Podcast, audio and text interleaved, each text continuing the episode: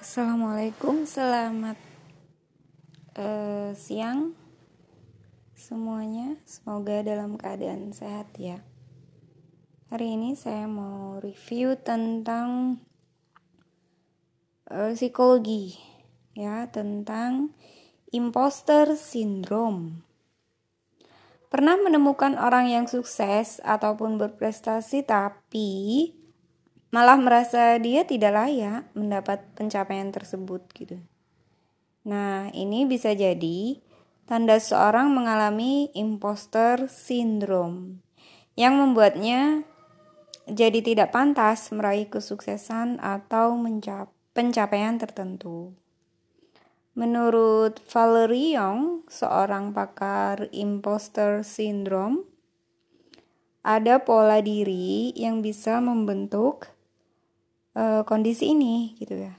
Salah satunya yaitu orang yang perfeksionis. Orang yang perfeksionis cenderung membuat uh, ekspektasi yang terlalu tinggi untuk dirinya. Bahkan walaupun 99% atau 99% tujuannya sudah terpenuhi pun dia uh, akan merasa gagal karena tidak mencapai 100%. Sindrom ini pun juga sering dialami oleh mereka yang harus melakukan semuanya sendiri. Wow. Dan orang yang merasa ingin sukses untuk membuktikan dirinya. Hmm, pasti ada sesuatu ya di balik semua itu. Gejala yang mungkin terjadi pada orang yang mengalami sindrom ini adalah mudah cemas, tidak percaya diri, depresi saat gagal uh, saat dia gagal memenuhi standar gitu ya mungkin.